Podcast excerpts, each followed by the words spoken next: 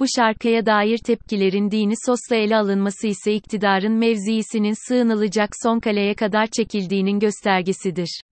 Cambaza bak taktiğini kullanmanın çeşitli yolları vardır. Sizi gündemle hatta zaman zaman hayatta bağı olmayan konularla oyalamak için yapay tarafgirlikler ortaya koyulur ve siz, tarihsel haklılıktan, kaynaklanan özgüveninizle bu oyuna severek gelirsiniz. En objektif tutum takınanların bile hem nalına hem mıhına vuruyor olmanın kıvancıyla yaklaşacağı bu, apolitik gündem başlıkları, temcit pilavı gibi önümüze getirilen ve aşılması istenmeyen konularda daha da net görülecektir. Bu girizgah dostlarımız için yapılmıştır. Sezen Aksu'nun bir şarkısında geçen, selam söyleyin o cahil Havva ile Adem'e, sözleriyle gündeme gelen bir tartışmayla yine enteresan bir klikleşme karşımıza çıktı.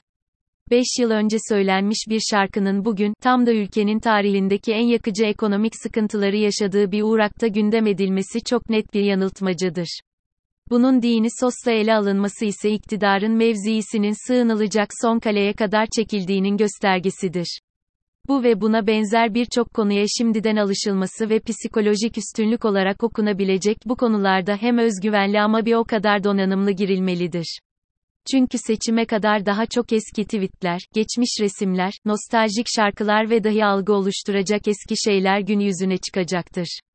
Adem ve Havva'ya cahil demenin dini boyutları ile ilgilenmemekle beraber, antropolojik olarak ilk insan sayılabilecek canlıların bugünün en birikimsiz insanından bile daha ünlü olduğunu belirtmekte fayda var. Öte yandan dinen Havva'nın bütün mitolojik yanlarından bağımsız bir peygamber olmadığının H.Z. Adem ile Havva'nın da bir cahillik yaparak Yaradan'ın emirlerine karşı geldikleri için cennetten kovulduklarının altını çizelim. Sanatın ironi yeteneği, birçok gerçeği eğerek anlatmakla da müsemmadır. Dolayısıyla iktidarın ve bu konuyu köpürtenlerin yönlendirilmiş tartışmaları hem izansız hem de art niyetli olarak ele alınmalıdır. Çünkü anlamak ya da dinlemek yerine yankı odalarından bile daha dar, sarı odalarına, mahkum edilmişlerdir. Gelelim girizgahımıza sebep olan tavrın müsebbiplerine dair birkaç söz etmeye. Esasen bu taraf içinde sözün hükmünün azaldığı bir durum söz konusudur. Çünkü Türkiye'de belli uğraklarda yapılan tercihler insanların mütemmim cüzü haline geliyor. Sezen Aksu örneğinde ise yetmez ama evet ve açılım sürecinde takındığı tutum onun sanatının ve sayısız konudaki doğru tavrının yok edicisi veriyor. Yani ülkemiz bir yanlışın tüm doğruları götürdüğü kocaman bir adaletsiz sınava dönüşü veriyor. Linç kültürü maalesef hepimizi büyülü hapishanesinde konuk ediyor. İnsanlar, hayatları boyunca sayısız eylem ve söylemle var olurlar. Sanatçılar, özellikle toplumsal konularda duyarlı olan sanatçılar çok daha itina ile dinlenilmelidir. Yanılgıları düzeltilebilmelidir. Hepimizin bir şarkısında mutlaka efkarlandığı, ağladığı, mutlandığı, bir sözüne bin anlam yüklediği, bir melodisini ıslık yapıp zihnine nakşettiği böylesi önemli birini tabir yerindeyse, pamuklara sarmalayıp sarılası, bir ismin konunun iki tarafından da eleştirilmesi ilginçtir.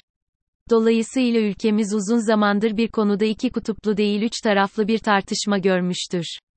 Bu tartışma, linç kültürünün beslediği zemindekileri yakınlaştırmış hatta ortaklaştırmıştır.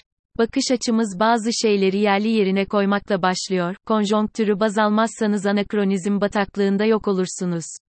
Elbette bahsi geçen konularda ülkemiz aydınlarının bir kısmı yanılmışlardır. Bir kısmı ise bile isteye bu yolu seçmişlerdir. Sezen Aksu, son derece olumlu anlamlar atfedilecek bazı konularda söz veren ve bu sözünü tutmayan bir iktidara güvenip sonrasında da bu güvenin boşa çıktığını görerek tavır alan bir sanatçıdır. İnsanların siyasi iktidarlara güvenme ve bazı konularda duyarlılıkları sonucu gereğinden fazla iyimser olmak hakları mevcuttur. Bahsi geçen demokratikleşme konularında Sezen Aksu'nun da başkaca aydınlar gibi yanılma hakkı vardır. Bu bir yanılgıdır hata ise bu yanlışı görerek hala bu durumu savunmaktır. Sezen Aksu yanılgıya düşmüş ama hataya düşmemiştir ve bu tutumunu bir tercih haline getirmemiştir. Bir iktidarın ülkenin tamamını ilgilendiren yarım asırlık bir konuda ülke nüfusunun yarısını ikna ederken Sezen Aksu'yu da ikna edebilmiş olması esasen onu ikna edemeyenlerin sorunu değil midir? Ömrünü, farklı düşünen insanları kendi ideallerine yakınlaştırmak üzere vakfeden, idealist, insanların bu derece nobran bir dili benimseyerek kimseyi fikirlerine yakınlaştıramayacağı açık değil midir? Yoksa siyasi ikna Sezen Aksu'nun bir şarkısında dediği gibi, beni al onu alma, diyerek işlemiyor.